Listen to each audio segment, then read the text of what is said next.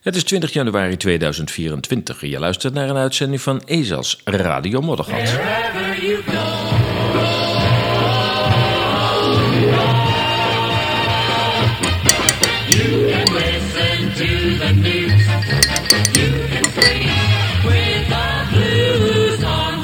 It's wonderful, wonderful station. Just take a Lightning companion wherever you go. Het doen, ik zou het doen hoor.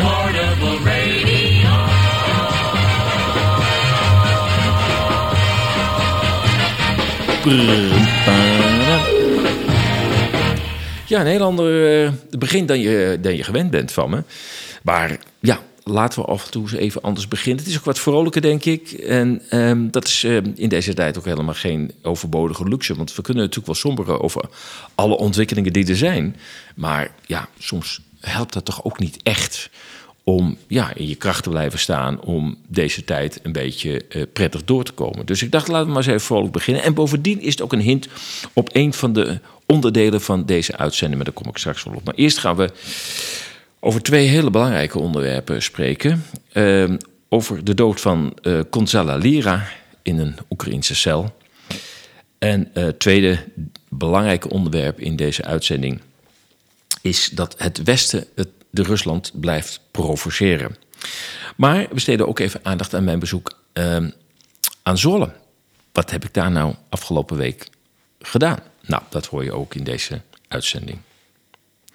Ja, doodziek en gemarteld stierf afgelopen dagen de Amerikaanse reporter Gonzala Lira op 55-jarige leeftijd in de gevangenis van de Oekraïnse geheime dienst. De Chileense Amerikaanse oorlogscommentator zou je kunnen zeggen. Gonzala Lira stierf kort voor de middag op 11 januari 2024 in een ziekenhuis in Kharkov, waar hij acht maanden gevangen had gezeten sinds hij ervan beschuldigd werd de Russische oorlogsinspanningen in Oekraïne te rechtvaardigen. Lira, die met zijn gezin in Oekraïne woonde, uitte via media zoals YouTube kritiek op de oorlog in Oekraïne en haar leider Zelensky. Hij voorzag een ongelijke strijd in het nadeel van Oekraïne. En dat zal natuurlijk slecht zijn gevallen. Lira is tweemaal gearresteerd. De eerste maal was in april 2022 in Kharkov, maar werd binnen een week weer vrijgelaten op voorwaarde dat hij Kharkov niet zou verlaten. Maar op 1 mei 2023 werd Lira opnieuw gearresteerd en in de Zizo-gevangenis ondergebracht. Deze keer klaagden de Oekraïense autoriteiten hem aan wegens het vermeende misdrijf van het rechtvaardigen van gewapende agressie door Rusland en het verspreiden van misinformatie over de oorlog in Oekraïne. Als hij voor deze misdaden zou zijn veroordeeld, hing hem 13 jaar gevangenisstraf boven het hoofd, maar zover kwam het niet. Door de zware omstandigheden in de gevangenschap werd hij ernstig ziek. Kreeg, daardoor geen, kreeg daarvoor geen behandeling en werd volgens berichten van zijn vader zwaar mishandeld. Want Lira is diverse malen gemarteld.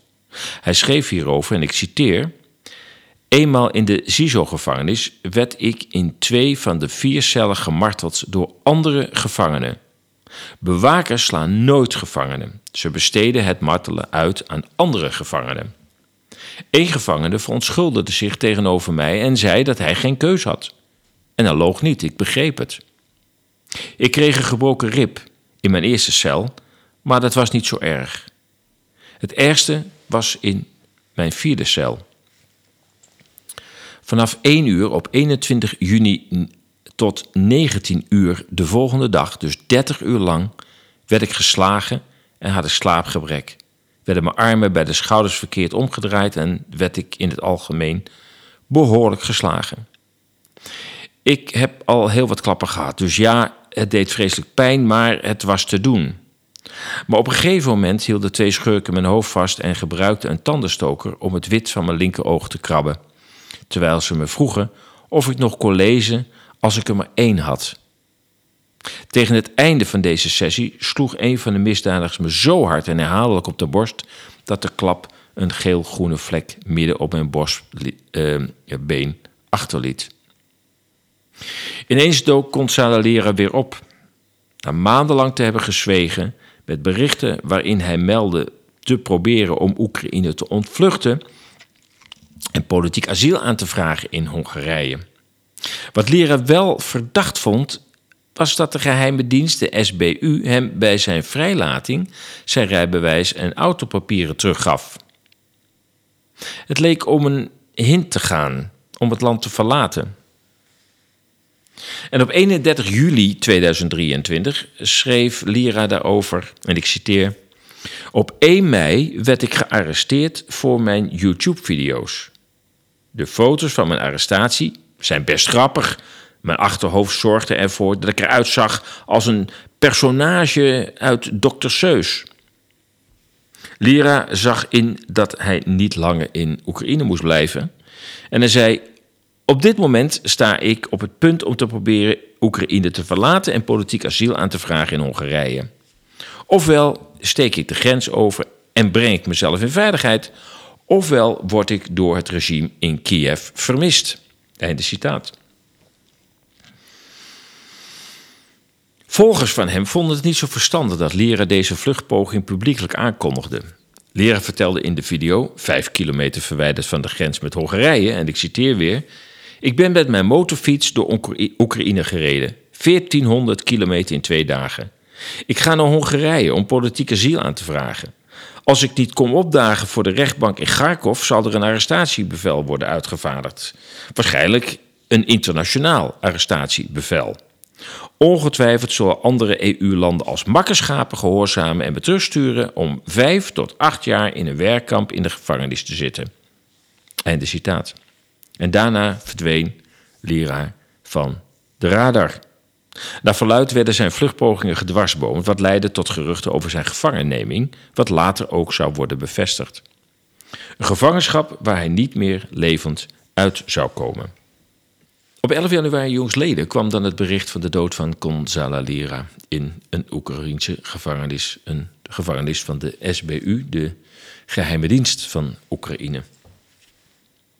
Het Amerikaanse ministerie van Buitenlandse Zaken reageerde tegenover het persbureau TAS als volgt op zijn dood. En ik citeer: We kunnen de dood van een Amerikaanse burger in Oekraïne bevestigen. We bieden onze oprechte deelneming aan de familie met hun verlies. We staan klaar om alle passende consul- consulaire eh, bijstand te verlenen. En uit respect voor de familie in deze moeilijke tijd hebben wij geen verder commentaar. En de citaat.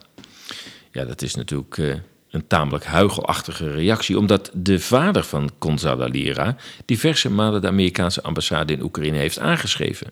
En daarin drong Lira senior er 3 januari jongsleden er bij de ambassade op aan om in te grijpen.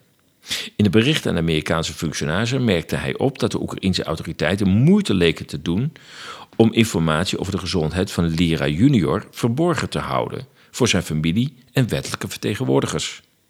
De medische directeur van de voorlopige eh, hechtenis in Kharkov geeft geen informatie over zijn gezondheidstoestand, schreef eh, Lira senior aan de Amerikaanse autoriteiten. En hij besloot zijn brief met: Het is twaalf dagen geleden dat ik wist hoe hij eraan toe was. Maar de Verenigde Staten staken geen vinger uit. Nu is Gonzalo Lira dan overleden en hij laat twee jonge kinderen achter. Ja, de dood van Lira is een van de vele bewijzen dat wij met een crimineel regime te maken hebben. Een regime met een sterke fascistische inslag dat bereid is om in opdracht van een machtige Amerikaanse neoliberale kliek en wapenlobby het eigen land in een onnodige en langdurig geprovoceerde oorlog te laten vernietigen. Meer dan 500.000 jonge Oekraïners zijn een totaal zinloos dood gestorven. Nog eens honderdduizenden gaan hun leven door met blijvende verwondingen of invaliditeit. En nu worden jeugdigen en ouderen naar het front gestuurd. Dat herinnert aan de nadagen van Hitler, die ook zijn manschappen met honderdduizenden tegelijk opbrandde en uiteindelijk kinderen en bejaarden naar het front stuurde. Lira had met één telefoontje van het Witte Huis bevrijd kunnen worden. Biden, die honderden miljarden in Oekraïne pompt, had met een kleine verwijzing naar nog meer geld Kiev kunnen dwingen om Lira vrij te laten. En Biden weet hoe dat moet.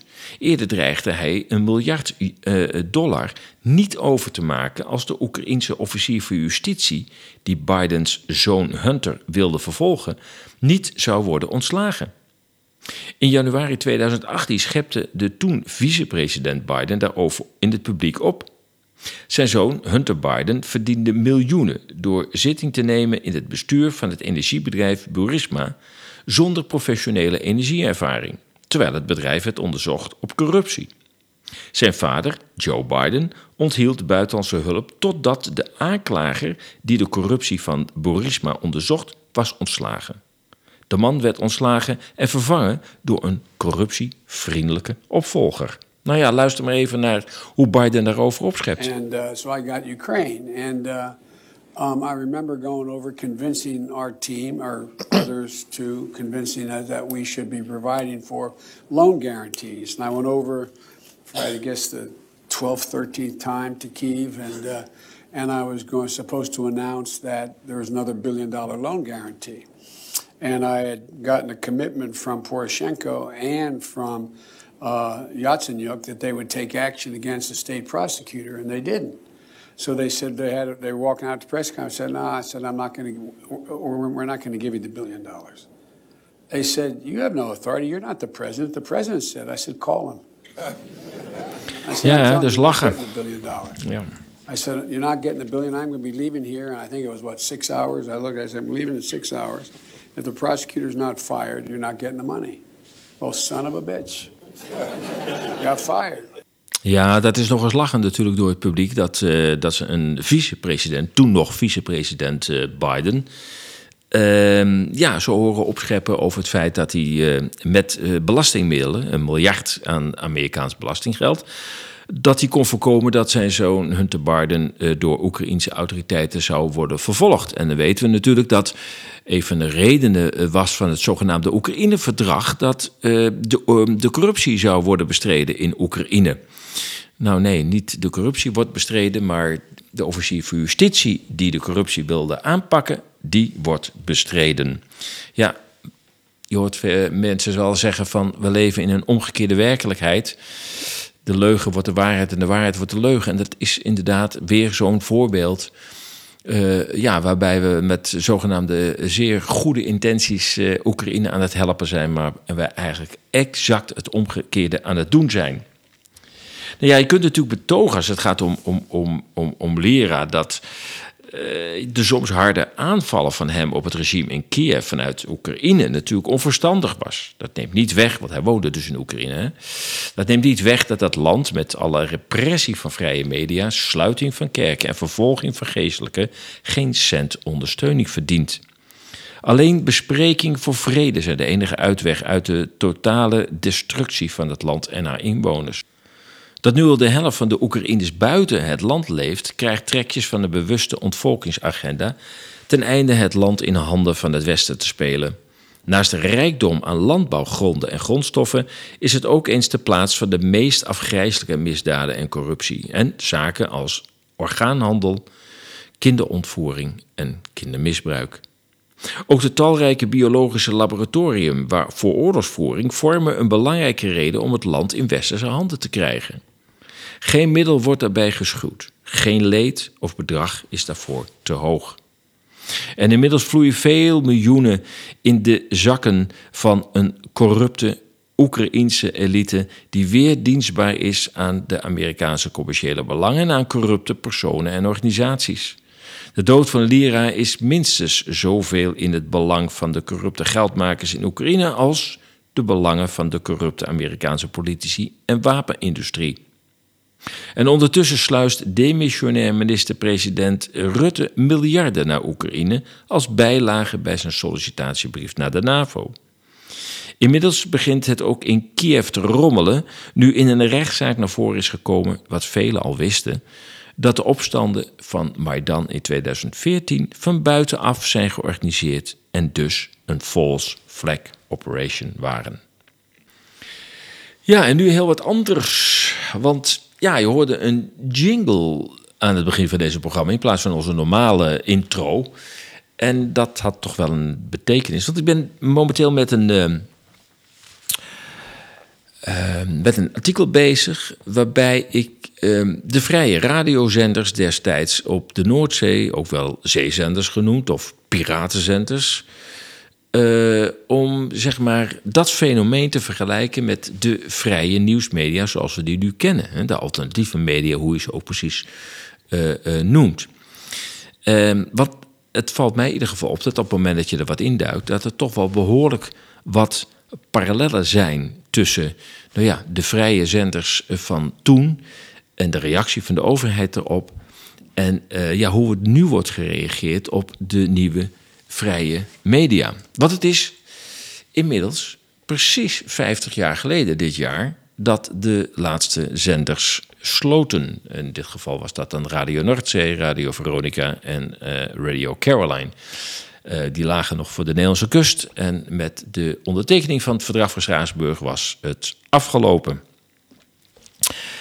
Ik laat je even een kort fragmentje horen. Ik kom er een keer eh, op terug met het, eh, met het artikel en ook wat uitgebreider in eh, de uitzending van, van Radio Moddergat. Maar misschien leuk om even terug te blikken naar eh 19, ik denk dat het 1972 was. Vannacht minimumtemperaturen van 5 graden in het zuidwesten tot min 1 graad in het noordoosten.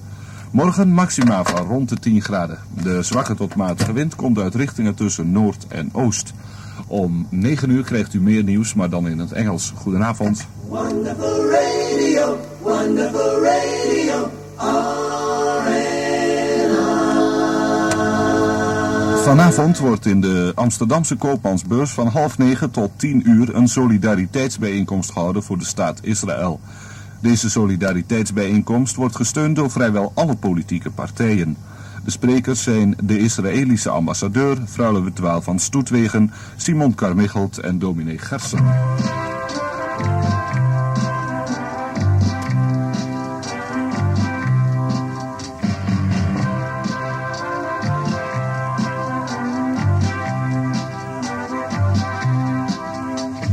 This is the start of the international service on Radio North Sea.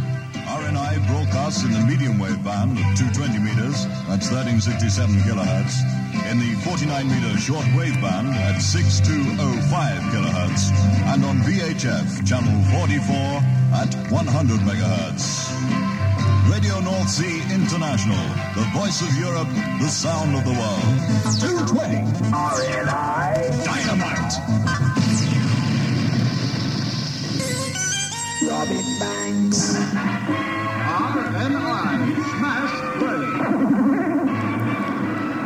Ja, zo klonk dat eh, alweer meer dan 50 jaar geleden. En eh, misschien is het opgevallen dat, dat er werd eh, aangekondigd in het nieuws van toen...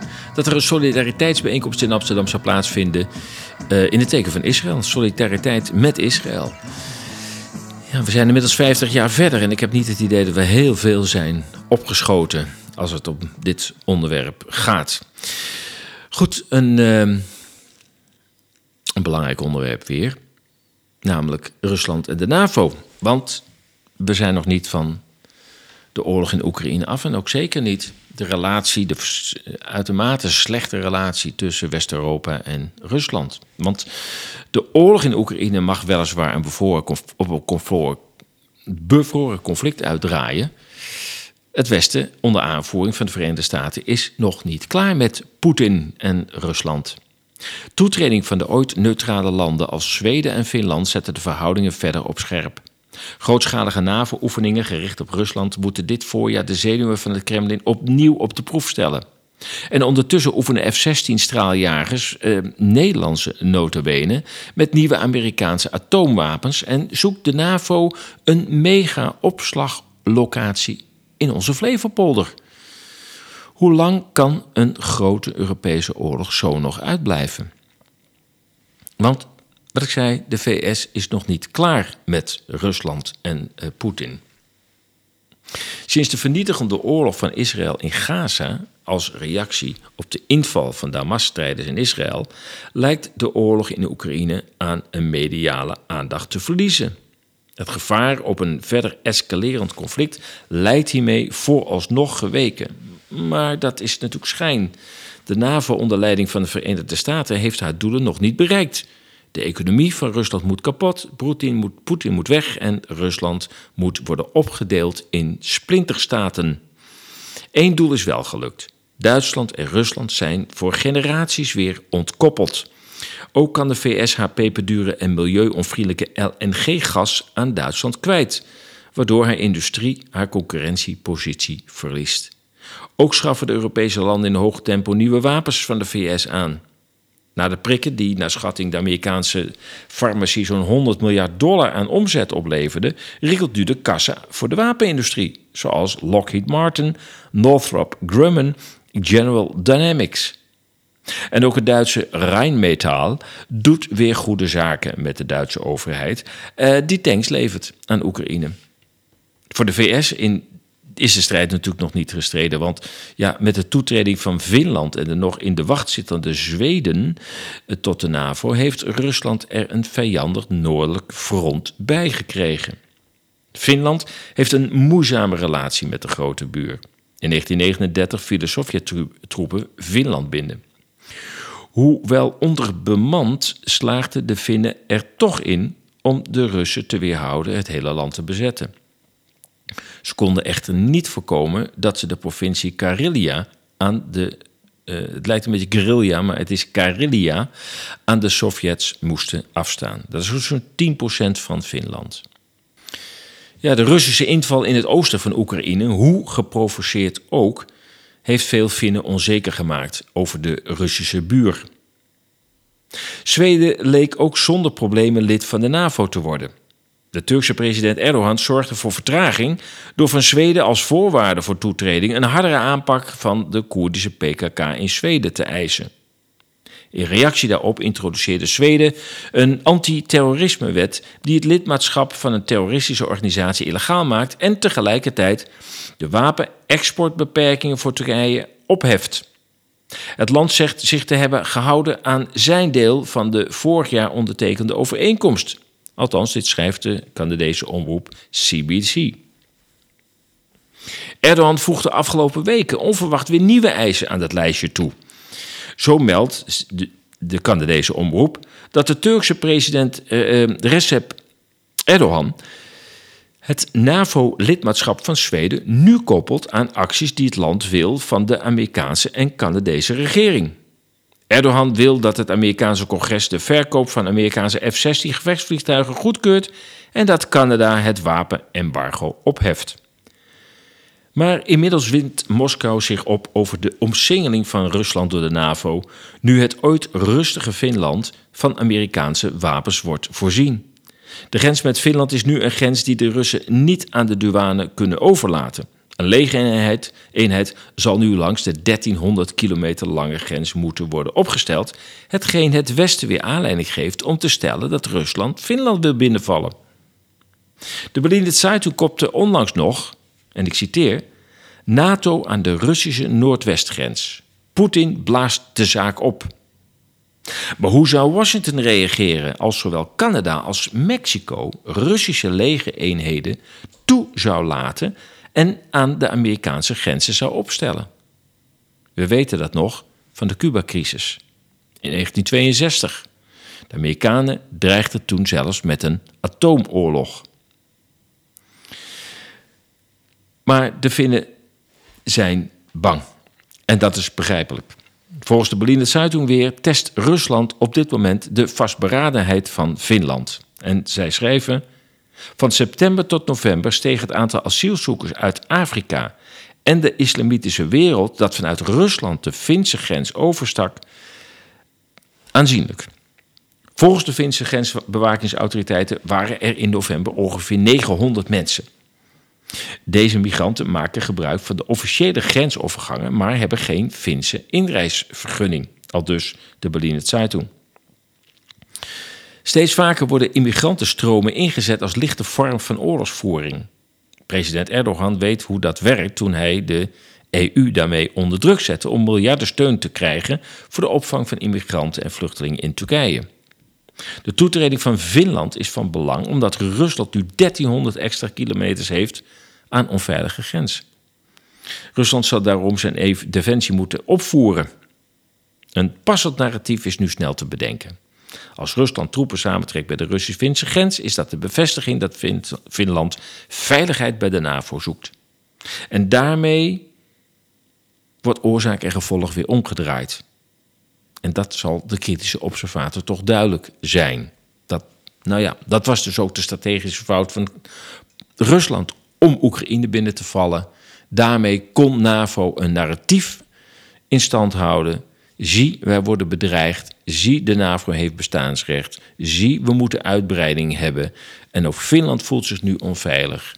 Eh, Oekraïne voelt zich onveilig. Dus daarom moeten we uitbreiden. Daarom moet Europa zich verder gaan herbewapenen met Amerikaanse wapens. Enfin, eh, ineens kwam er een hele reeks van narratieven op gang. Die eh, ja, de NAVO, en denk ik toch wel weer voor 10, 15 jaar, misschien wel 20 jaar. Eh, nieuwe legitimatie heeft eh, bezorgd. Ja, dat is een politieke prijs die Poetin betaalt voor de inval in Oekraïne. Nou ja, eh, het is duidelijk. Voor de NAVO is er een nieuw front bijgekomen, namelijk Finland. Ehm, ja, de NAVO, maar ook, ook eh, westerse landen beroepen zich nu op eh, het Boedapest-memorandum... ehm, dat ooit getekend eh, is na de afscheiding van Oekraïne van het in, in verval zijnde Sovjet-Unie. En daarin had de Sovjet-Unie verklaard: wij zullen Oekraïne met rust laten en het nooit binnenvallen. Mits zij de kernwapens die uit de Sovjet-tijd stammen, dat die zouden worden afgebouwd. Nou, Rusland is binnengevallen, maar goed, daar is wel 30 jaar overheen gegaan. Dus kortom, waarschijnlijk als, nou vrijwel zeker als de Amerikanen zich niet met Oekraïne hadden bemoeid op de manier waarop ze dat de afgelopen eh, 10, 15 jaar heeft gedaan, dan was Rusland nog steeds, denk ik, Oekraïne niet binnengevallen. En eh, was het eh Boedapest-memorandum nog steeds levend. Ja, zo tikt op dit moment de wereld. Ehm, beetje cynisch allemaal. Eh, ook omdat je eh, bijna geen goed beeld kunt vormen van wat zich nu allemaal werkelijk afspeelt in dat, eh, in dat land. En eh, ja, dat we het elke keer weer moeten doen met, eh, met zeer verwrongen eh, percepties op, op wat zich daar nu afspeelt. Maar het lijkt er toch heel erg op ehm, dat we nog niet van de problematieken af zijn. Eh, in ehm, het artikel wat ik hier nu eh, eh, behandel in de uitzending. In dat artikel dat op online staat, zit ook een video en, en ook nog wat meer tekst over dat op dit moment weer een, een grootschalige oefening eh, gepland staat in de Noordelijke IJszee van de NAVO. En dat is de komende eh, drie maanden zo'n beetje. Ik dacht vanaf maart, april, mei. Dat, dat, dat, zijn ongeveer de maanden waarin er een hele grote oefening zal plaatsvinden in de Noordelijke IJszee. En ehm, ja, dat is toch weer ja, prikken, prikken, prikken, prikken. En dan maar weer kijken of, eh, of Rusland hapt. Ja, bij Oekraïne hebben ze dat gedaan. En je mag hopen dat, eh, dat het niet nog een keer gebeurt. Maar ik kan me voorstellen dat men in het Kremlin ook denkt... ja, hoe, lang blijven we ons nog zo z- laten sarren eh, eh, door het Westen? Hè? Waarom blijven ze maar in het offensief door steeds meer landen erbij te pakken? Ja, zo werkt dat kablijkelijk. Goed, van de week ben ik naar eh, Zwolle geweest. En je zou zeggen, wat heb je in Zwolle te zoeken? Nou ja, ik was op bezoek bij, eh, bij een collega. En dat is Niels Lunsing. En die heeft zijn eigen nieuwe studio in Zwolle in gebruik genomen. Niels, hartstikke leuk om jou weer te spreken. Ja, insgelijks, eh, Paul. Eh, Leuk dat je er bent. Ja, want eh, eh, ja, je hebt wel een heel nieuw eh, stout initiatief eh, genomen hier in het Zwolse. Ja, Wat ga je doen? Is, ja het is Studio Nieuwe Tijd, eh, heet het. Hè? Dus eh, mijn nieuwe studio waarin eh, podcasts kunnen worden opgenomen. Waarin de Nieuwe Tijd podcast ook wordt uitgezonden.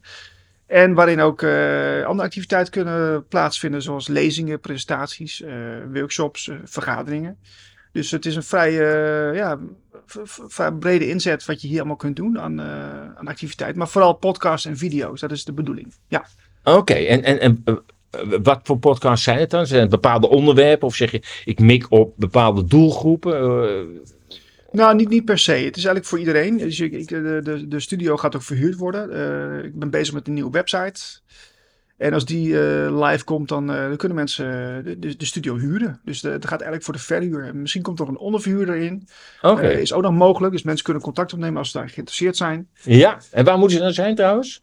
Dan kunnen ze vooralsnog even mailen naar info.blikopdemaatschappij.nl En dan kunnen ze mij een mailtje sturen als ze interesse hebben. En dan, of bellen kan ook. Mijn, Ja. mijn nummer staat op de site blikopdemaatschappij.nl Hartstikke goed. Hey, maar omschrijf je je studio eens? Wat, Nou ja, we zitten nu op de. Ja, het is, eh, je hebt een, een hoger gedeelte en een lager gedeelte. Dus eh, in het eh, hogere gedeelte heb ik een podium laten bouwen. En er staat ook een groot, groot scherm aan de muur voor presentaties. Dan kunnen mensen die op het podium staan, kunnen makkelijk een, een lezing of presentatie toelichten.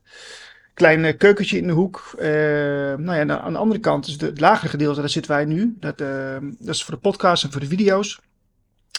Aan een lange tafel zitten we, hè? Ja, een lange tafel. Daar kunnen dus ja, in principe wel acht man eh, zouden aan kunnen schuiven. Ik heb ook apparatuur, zodat mensen altijd kunnen opnemen. Je kunt ook een groepsgesprek opnemen, zeg maar. Kan zeker, met meerdere mensen. Ja, dus eh, het kan dus alleen voor audio of alleen voor video of beide. En eh, ik heb een hele mooie, mooie Ja. eye-catcher eh, laten plaatsen. Ja, het is audio, dus helaas eh, moeten we het met de omschrijving doen. Ja, mensen moeten maar langskomen. Dan kunnen ze dus zien eh, wat voor mooie prent ik aan de muur heb eh, hangen. Kun je het een beetje beschrijven? Wat, wat, Ja, wat- ik- waar staat het voor? Ik heb, ik heb Ik als... zie eh, piramide onder andere met mensen. En, vertel eens. nou, ik heb dus En natuurlijk een, eh, ja, een ongeïdentificeerd object eh, in de lucht. Ja, zo is het, ja. ja. Kijk, ik heb via via kom ik in contact met Paintbot X. Dat is een bedrijfje wat... het is een van de twee bedrijven in Nederland die dus dit soort muurschilderingen plaatst. En dan, en dan pakken ze heel groot aan. Dan komen ze met een groot apparaat en dat, dat, dat printen ze eigenlijk letterlijk op de muur. Of ze, ja, ze scannen het eigenlijk. Het is een hele nieuwe techniek. Er zijn twee bedrijven in Nederland die dat doen. Oké. En eh, ik heb als opdracht meegegeven, ik wil gewoon de nieuwe tijd wil ik op mijn muur.